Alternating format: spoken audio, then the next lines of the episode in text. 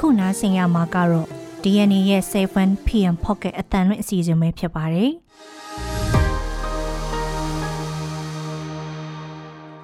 ဒီကနေ့ဖေဖော်ဝါရီလ23ရက်နေ့ရဲ့ Pocket အတန်လွင့်အစီအစဉ်မှာတော့စစ်တွေကဘင်္ဂလားဒေ့ရှ်ကောင်စစ်ဝင်ယုံရန်ကုန်ကိုရွှေ့ပြောင်းနေဆိုတဲ့အကြောင်းတရုတ်မယားအဖြစ်လိန်လေရောင်းစားခံရတဲ့မြန်မာမိန်းကလေးတွေအကူအညီမဲ့နေတယ်ဆိုတဲ့အကြောင်းမင်းပြားမှာစစ်ကောင်စီရေရင်တစည်းတိုက်ခိုက်နစ်မြုပ်ခံရပြန်နေဆိုတဲ့အကြောင်း စစ်ကောင်စီဖမ်းထားတဲ့ဝေါ်တီတာခန်20ကျော်တပတ်ကြာတဲ့အထိပြန်မလွတ်သေးဘူးဆိုတဲ့အကြောင်း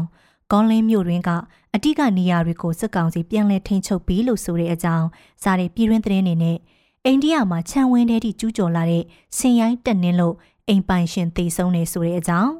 အာဖရိကချန်ပီယံဖြစ်ခဲ့တဲ့အသင်းအတွက်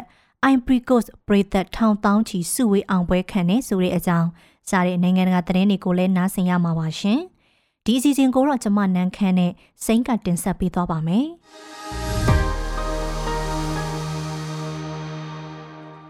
ပထမဆုံးသတင်းတပုတ်အနေနဲ့စစ်တွေကဘင်္ဂလားဒေ့ရှ်ကောင်စစ်ဝင်ယုံ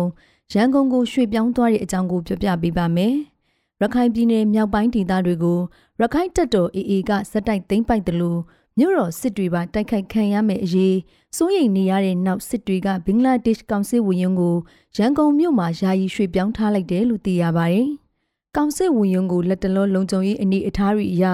ရန်ကုန်ကိုရွှေ့ပြောင်းထားတာဖြစ်တယ်လို့ဘင်္ဂလားဒေ့ရှ်နိုင်ငံသားရေးဝန်ကြီးရဲ့ပြောကြားမှုကိုကိုးကားပြီး Dhaka Tribune အပါအဝင်အဲ့ဒီနိုင်ငံအခြေစိုက်သတင်းဌာနတွေကဖော်ပြပါတယ်။ပြီးခဲ့တဲ့နိုဝင်ဘာ23ရက်ကစတင်ခဲ့တဲ့တကြောပြန်တိုက်ပွဲကာလအတွင်း အေအေကချင်းပြည်နယ်ပလဝရခိုင်မြောက်ပိုင်းမှာရှိတဲ့မင်းပြားကြောက်တော်မြောက်ဦးပေါက်တော်နဲ့တောင်ပြူမြို့တို့ကိုတင်ပိုက်ထားပါတယ်။လက်ရှိမှာလည်းကြောက်ဖြူရန်ပြဲဘူးတီတောင်မောင်းတော်နဲ့ရတိတောင်ဒေသတွေမှာတိုက်ပွဲတွေဆက်ဖြစ်နေတယ်လို့သိရပါတယ်။ဒေသကုကဲမှုစစ်ဌာနချုပ်ဓကဆတီရှိယာမြို့တော်စစ်တွေမှာတော့အဝိုင်းခံထားရတဲ့အနေအထားလို့လည်းဒေသခံတွေကဆိုပါတယ်။စစ်ကောင်စီကတော့ ခံစစ်အတွက်ကြိုတင်ပြင်ဆင်နေတဲ့အခြေအနေရှိတယ်လို့လည်းဒေသခံတွေကပြောကြပါတယ်။ဒါအပြင်စစ်တွေနဲ့တောင်ပိုင်းမြို့နယ်တွေအတွင်းမှာတက်ထိပ်ပိုင်းအရာရှိချို့နဲ့အရာရှိတွေရဲ့မိသားစုဝင်တွေကိုရန်ကုန်နေပြည်တော်တို့စီရွှေ့ပြောင်းပေးနေတယ်လို့လည်းသိရပါတယ်။စစ်တပ်အရာရှိမိသားစုဝင်တွေကိုအရက်ဘတ်လေရင်တွေနဲ့ရွှေ့ပြောင်းပေးနေတာဖြစ်ပြီးခရီးစရိတ်အတွက်စစ်ကောင်စီတပ်သားတွေရဲ့လစာတဲကနေဖြတ်တောက်တာတွေလည်းရှိနေတယ်လို့စစ်ကောင်စီနဲ့နှိစက်သူတအုပ်ကပြောပါတယ်။ ဒါအပြင်တောင်ကုတ်တန်တွဲမြို့နယ်တို့အတွင်းကစစ်ကောင်စီတပ်အရာရှိမိသားစုတွေကိုလည်းရွှေ့ပြောင်းတာတွေလုပ်နေကြတယ်လို့ဒေသခံတွေကပြောကြပါတယ်။တရုတ်မယားအဖြစ်လိန်လည်ရောင်းစားခံရတဲ့မြန်မာမိန်းကလေးတွေအကူအညီမဲ့နေတယ်ဆိုတဲ့အကြောင်းကိုဆက်လက်ပြီးတော့ပြောပြပေးပါမယ်။တရုတ်မြန်မာနယ်စပ်ဒေသတွေနဲ့တရုတ်နိုင်ငံဖက်မှာလှစာကောင်းတဲ့အလုပ်ရမယ်လို့လိန်လေဖျားယောင်းကတရုတ်အမျိုးသားတွေရဲ့ဇနီးအဖြစ်ရောင်းစားခံရတဲ့မြန်မာအမျိုးသမီးတွေအကူအညီမဲ့နေကြတယ်လို့ ကိုယ်တိုင်ကြုံတွေ့နေရတဲ့သူတွေနဲ့တရုတ်နိုင်ငံရောက်မြန်မာတွေကပြောကြပါဗျ။ကိုရိုင်းလင်းလဲရောင်းစားခံလိုက်ရတဲ့မူဆယ်ဒေသခံအသက်16နှစ်အရွယ်အမျိုးသမီးတူနဲ့ရောင်းစားခံလိုက်ရတဲ့ရန်ကုန်မြို့ခံ23နှစ်အရွယ်ညီမဖြစ်သူကိုကဲတင်နိုင်ရေးကြိုးပမ်းနေတဲ့အမျိုးသမီးတူနဲ့လည်း DNA ကပြီးခဲ့တဲ့သတင်းပတ်အတွင်းအဆက်အသွယ်ရခဲ့ပါတယ်။အဲ့ဒီအမျိုးသမီးနှစ်ဦးတွေကတူဟာ တရုတ်နိုင်ငံမှာလစာကောင်းတဲ့အလုပ်ရမယ်ဆိုပြီးလင်းလည်ခံခဲ့ရတယ်လို့ရန်ကုန်မြို့ကအမျိုးသမီးတူကတော့ဝတေတာပန်းစမ်းမှာအလုပ်ရမယ်ဆိုပြီးအလင်ခံခဲ့ရတာပါ။လိန်လဲရောင်းစားခံရပြီဆိုတဲ့အကြောင်းကိုရိုင်းသိရပြီးတဲ့အချိန်မှာသူတို့နှစ်ဦးကမိသားစုနဲ့အကူအညီရနိုင်မယ်လို့ထင်တဲ့ရင်းမြစ်တွေကိုဆက်သွဲအတိပေးခဲ့ကြပေမဲ့လက်ရှိမှာတော့နှစ်ဦးလုံးအဆက်အသွယ်ပြတ်တောက်နေကြပါပြီ။ မူဆယ်ဒေသခံအမျိုးသမီးက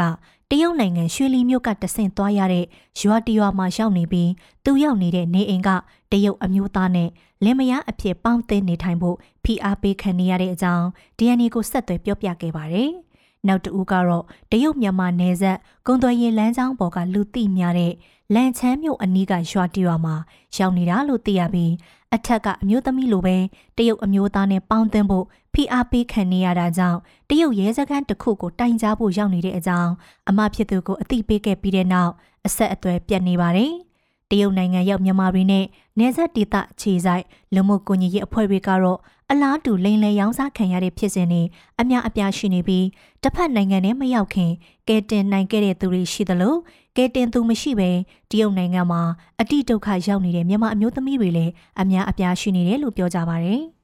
နောက်ထပ်သတင်းတပုတ်အနေနဲ့မင်းပြားမှာစစ်ကောင်စီရေရင်တစည်းတိုက်ခိုက်နစ်မြုပ်ခံရပြန်တဲ့အကြောင်းကိုပြောပြပေးပါမယ်။ရခိုင်ပြည်နယ်ကြောက်တော်မြို့နယ်အတွင်းစစ်ကောင်စီရေရင်သုံးစီးကိုတိုက်ခိုက်နစ်မြုပ်ခဲ့အပြီးရပ်ပိုင်းအကြာ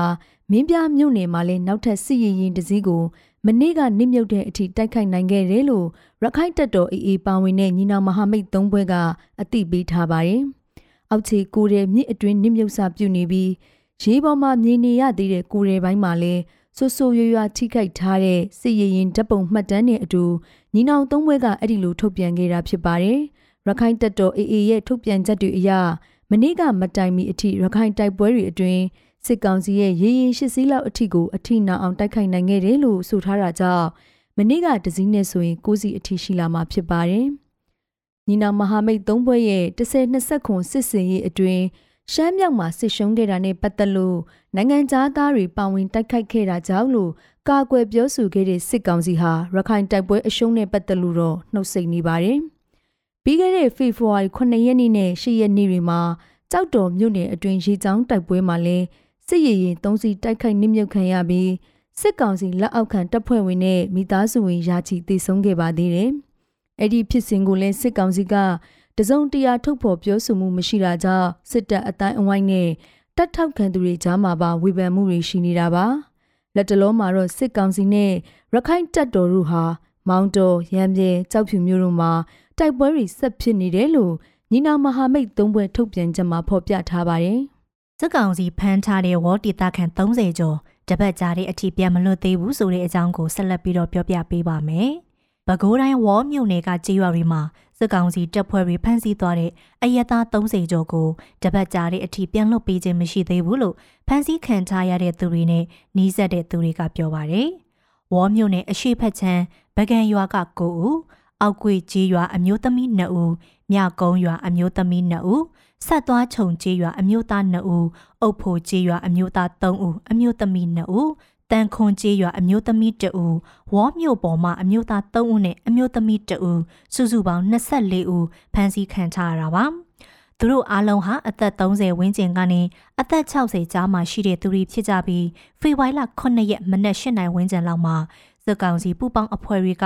ကြေးရွာတွေဝင်ရောက်လာပြီးတော့အမိစရင်အတီအကြနဲ့ဖမ်းဆီးခေါ်ဆောင်သွားတာဖြစ်ပါတယ်။ ဖမ်းဆီးခံထားတဲ့သူတွေဟာအမျိုးသားဒီမိုကရေစီအဖွဲ့ချုပ် NLD ပါတီဝင်တွေရဲကြီးအလုတ်အမှုဆောင်တွေရွေးကောက်ပွဲအောင်နိုင်ရေးမှာတက်ကြွလှုပ်ရှားသူတွေနဲ့အယက်သားတချို့ပါဝင်တယ်လို့ဆိုပါတယ်။စကောင်စီတက်ကဖမ်းဆီးထားတဲ့သူတွေကိုဝေါ်မြို့နယ်ဘောနက်ကြီးကျေးရွာမှာရှိတဲ့အမြောက်တက်စစ်ကြောရေးမှာခြုံနှောင်ထားပြီးတော့စစ်ဆေးတာတွေလှုပ်ဆောင်နေပြီးတအူးမှပြန်လုပ်ပေးခြင်းမရှိသေးဘူးလို့ဆိုပါတယ်။ ဒါအပြင်ပြီးခဲ့တဲ့ဇန်နဝါရီလ28ရက်ကလည်းဝေါ်မြို့နယ်အရှိချမ်းကအညာစုကျေးရွာက23ဦးဝိုင်းပတ်ကျေးရွာက2ဦးနဲ့ပကံကျေးရွာက2ဦးကိုစစ်ကောင်စီတပ်ဖွဲ့တွေကဖမ်းဆီးခဲ့ပြီးတဲ့နောက်20ဦးကိုပြန်လွှတ်ပေးခဲ့ပြီးမြဲ9ဦးကိုတော့ပြန်လွှတ်ပေးခြင်းမရှိသေးဘူးလို့ဆိုပါတယ်။ဒါကြောင့်ဝေါ်မြို့နယ်အရှိချမ်းကကျေးရွာတွေမှာစစ်ကောင်စီတပ်ဖွဲ့တွေဖမ်းဆီးထားတဲ့ အယက်သား32ဦးရှိပြီးသူတို့အားလုံးအတွက်စိုးရိမ်မှုတွေရှိနေတယ်လို့ဖန်ဆီးခံထားတဲ့သူနဲ့နီးစပ်သူတဦးကဆိုပါတယ်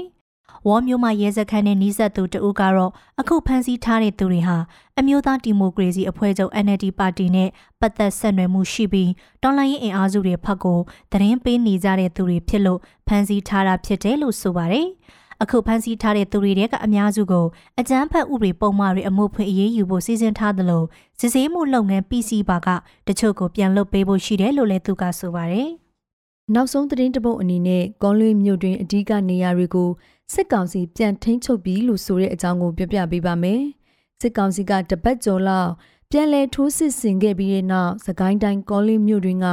အ धिक နေရာတွေကိုထိန်းချုပ်နိုင်သွားပြီဖြစ်ပြီး လက်ရှိမှာတိုက်ပွဲတွေငြိမ်သက်နေတယ်လို့ဒေတာအခြေအနေတွေဖော်ပြနေတဲ့ Conlin Revolution ကဒီကနေ့အသိပေးထားပါတယ်။နေဦးတွန်လန်ရေး၃နှစ်နီးပါးအတွင်းတိုင်းဒေသတွေဘက်မှတွန်လန်ရေးတပ်တွေဘက်က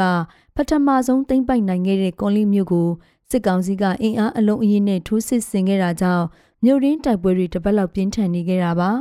စစ်ကောင်စီဘက်ကတော့ကွန်လီမြို့ကိုပြန်ပြီးထိန်းချုပ်ထားနိုင်ပြီလို့ပြီးခဲ့တဲ့နှစ်ရက်လောက်ကတည်းကထုတ်ပြန်ခဲ့တာဖြစ်ပါတယ်။။ စကိုင်းတိုင်းအထက်ပိုင်းကခရိုင်အစ်စ်မြို့ဖြစ်တဲ့ကွန်လင်းမြို့ကိုပြည်သူ့ကာကွယ်ရေးတပ်တွေကနိုဝင်ဘာလဆန်းမှာ၃ရက်ကြာထိုးစစ်ဆင်ခဲ့ပြီးနိုဝင်ဘာ6ရက်မှာသိမ်းပိုက်နိုင်ခဲ့တာပါ။အဲ့ဒီလိုသိမ့်ပိုက်နိုင်ချိန်မှာစစ်ကောင်စီထိန်းချုပ်ထားတဲ့နိုင်ငံပိုင်ကောလင်းခရိုင်မြမစီးပွားရေးဘဏ်နဲ့ပုဂ္ဂလိကဘဏ်တွေထဲကငွေသားလက်ကျန်ကျပ်ငွေဘီလီယံချီကိုတင်ဆက်နိုင်ခဲ့တယ်လို့ NUG ကထုတ်ပြန်ခဲ့ပါတယ်။တော်လိုင်းအင်အားစုတွေဟာ ကောလင်းမြို့ကိုစတင်သိမ်းပိုက်ချိန်ကနေစစ်ကောင်စီဘက်ကပြန်လည်ထိုးစစ်ဆင်လာချိန်အထိ3လလောက်ထိန်းချုပ်ထားခဲ့တာဖြစ်ပေမဲ့ကောလင်းတောင်ဘက်ကကမ်ဘလူနဲ့မြောက်ဘက်ကဝန်းသူမြို့တွေမှာစစ်ကောင်စီအခြေစိုက်တရင်တွေရှိနေတာကြောင့်လုံခြုံရေးအရာချင်းချောက်ခံရတဲ့တိုက်ခိုက်မှုတွေတော့ဇက်တိုက်ရှိနေခဲ့ပါတယ်။ကောလင်းမြို့တောင်ဘက်ကကမ်ဘလူနယ်ဟာစစ်ကောင်စီရဲ့ပြူစောထီတွေအင်အားကောင်းတဲ့ဒေသတစ်ခုဖြစ်ပါတယ်။ လက်ရှိမှာတော့ကောလင်းမြို့အနီးကနေတော်လှန်ရေးတပ်တွေပြန်ပြီးဆုတ်ခွာခဲ့ရပြီလားဆိုတဲ့မြေပြင်အခြေအနေအသေးစိတ်တွေကိုမသိရသေးသလို NUG ကာကွယ်ရေးဝန်ကြီးဌာနကလည်းထုတ်ပြန်ပြောဆိုတာမရှိသေးပါဘူး။ဆက်လက်ပြီးတော့နိုင်ငံတကာသတင်းတွေကိုတင်ဆက်ပေးပါမယ်။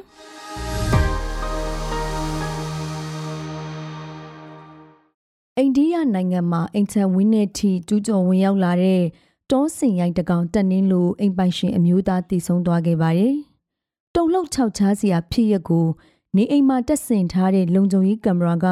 ဗီဒီယိုမှတ်တမ်းတင်ထားနိုင်ခဲ့ပါတယ်။ဖေဖော်ဝါရီ10ရက်နေ့ကကီရာလာပြည်နယ်ကတီကူလမ်းမှာရှိတဲ့ကျေးရွာတစ်ခုကိုစင်ရိုင်းတကောင်ကဝင်ရောက်တောင်းကျမ်းခဲ့တာပါ။အဲ့ဒီစင်ဟာအိမ်တလုံးရဲ့ခြံစည်းရုပ်အုပ်တိုင်းကိုချိုးဖြက်ဝင်ရောက်လာတာကြောင့်လူတွေကအထိတ်တလန့်ထွက်ပြေးခဲ့ကြပြီးအိမ်ပိုင်ရှင်ကတော့ ခြေချော်လဲကျသွားခဲ့ဟန်ရှိပါတယ်။ကင်မရာမြင်ကွင်းအကွယ်မှာလဲကျနေသူကိုစင်ကတက်နှင်းသွားတာကြောင့်တခြားသူတွေစောက်တီရမရဖြစ်နေပုံကိုမှတ်တမ်းဗီဒီယိုထဲမှာတွေ့နိုင်ပါတယ်။စင်နှင်းခံရသူကိုလူတွေကဝိုင်းပွေချီပြီးစေးရုံပို့ခဲ့ပေမဲ့ကွယ်လွန်ခဲ့ပါတယ်။အဲ့ဒီစင်ဟာကာနာဒါကပြည်နယ်ကနေ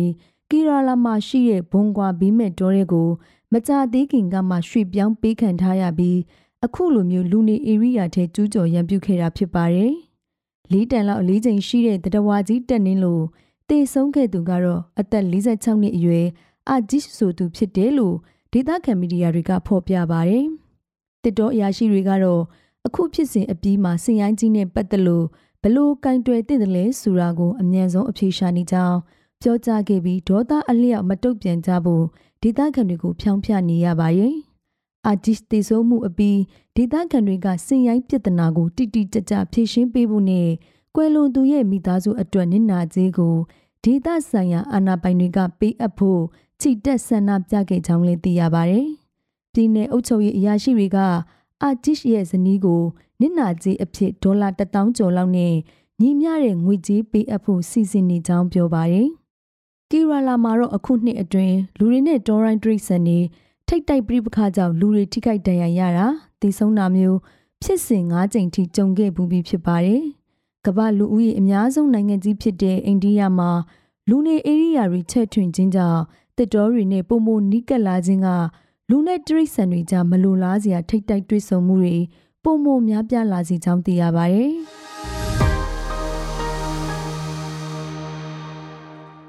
အာဖရိကနိုင်ငံများတကွန်ဆိုင်ဖလားဘောလုံးပြိုင်ပွဲမှာ မိခင်နိုင်ငံလက်ရွေးစီအသင်းဘူဆွဲခဲ့တဲ့နောက် Ivory Coast ပြည်သက်တွေဟာမြို့တော်အပစ်ကျန်မှာစုဝေးပြီးတောင်းတောင်းဖြတ်ဖြတ်အောင်ပွဲခံခဲ့ကြပါတယ်။ပြိုင်ပွဲကိုအရှင်အဖြစ်လက်ခံကျင်းပတဲ့ Ivory Coast အသင်းအပေါ်ပြည်သက်တွေကအတော်လေးမျှော်လင့်ချက်ထားခဲ့ပေမဲ့အစောပိုင်းပွဲစဉ်တွေမှာရက်လက်တွေဆိုးရွားနေခဲ့ပြီးရှုံးထွက်အဆင့်ကူတောင်အကောင်းဆုံးအုပ်စုတတိယနေရာကနေပဲတရင်တရင်တက်ရောက်နိုင်ခဲ့တာဖြစ်ပါတယ်။အုပ်စုပွဲစဉ်မှာအီကွေတိုရီရဲ့ဂီနီယာအသင်းကို လေးကိုပြက်ရှုံးနိမ့်ခဲ့တဲ့နောက်နီးပြဂျင်လူဝစ်ကတ်ဆက်ယာဒူးကထုတ်ခံရတဲ့အထိပြဿနာတွေရှုပ်ထွေးခဲ့ပါတယ်။ဒါပေမဲ့ရှုံးထွက်အဆင့်တွေမှာတော့စီနီဂေါမာလီကွန်ဂိုတို့ကိုအိရှင်အသင်းကဇက်တိုင်အနိုင်ယူခဲ့ပါတယ်။အုပ်စုအဆင့်မှာအရေးနှိပ်ထားမှုတဲ့နိုင်ဂျီးရီးယားကိုဘူလူပွဲမှာပြန်ဆုံတဲ့အခါမှာတော့နှစ်ကိုးတကိုးဆိုတဲ့ရလက်နဲ့အသာစီးရပြီး Ivory Coast အသင်းပူဆွဲခဲ့ပါတယ်။ဖေဖော်ဝါရီ17ရက်နေ့မှာအာဖရိကချန်ပီယံဖြစ်ခဲ့တဲ့ Ivory Coast အသင်းအတွက်ပြည်သက်တွေကဂုံယူမဆုံးပျော်မြူးခဲ့ကြပြီးအပိကျံမှာလူတွေထောင်တောင်းချီစုဝေးအောင်ပွဲခံခဲ့ကြတာဖြစ်ပါတယ်။အသင်းရဲ့အယောင်ဖြစ်တဲ့အဖြူနဲ့လိမ်မော်တွေဝစ်စင်ထားတဲ့ပြည်သက်တွေကတချင်းတွေစူပြီးကခုန်နေတာကိုလည်းတွေ့ရပါတယ်။အပိကျံမြို့လေလမ်းမတွေမှာပြည်သက်တွေပြည့်နှက်နေခဲ့ပြီးအောင်ပွဲခံမှုအစီအစဉ်တွေဟာနောက်တနေ့မနက်ထိအတော်မတက်နိုင်ခဲ့ဘူးလို့မျက်မြင်တွေကပြောပါတယ်။ Ivory Coast အသင်းဟာအာဖရိကချန်ပီယံတကွန်ဆိုင်ဖလားကို ၃ချိန်စုခူးခဲ့ပူးပြီး1992ခုနှစ်နဲ့2015ခုနှစ်တွင်မှလည်းချန်ပီယံဖြစ်ခဲ့ပူပါတယ်။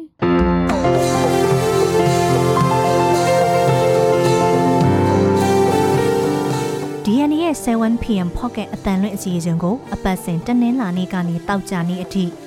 9:00နာရီတိုင်းမှာတင်ဆက်ပေးသွားပါမယ်။ဒီစီစဉ်ကို Anchor, Spotify တို့မှာနားဆင်နိုင်သလို DNA ရဲ့ YouTube Channel မှာလည်းဝင်ရောက်နားဆင်နိုင်ပါတယ်ရှင်။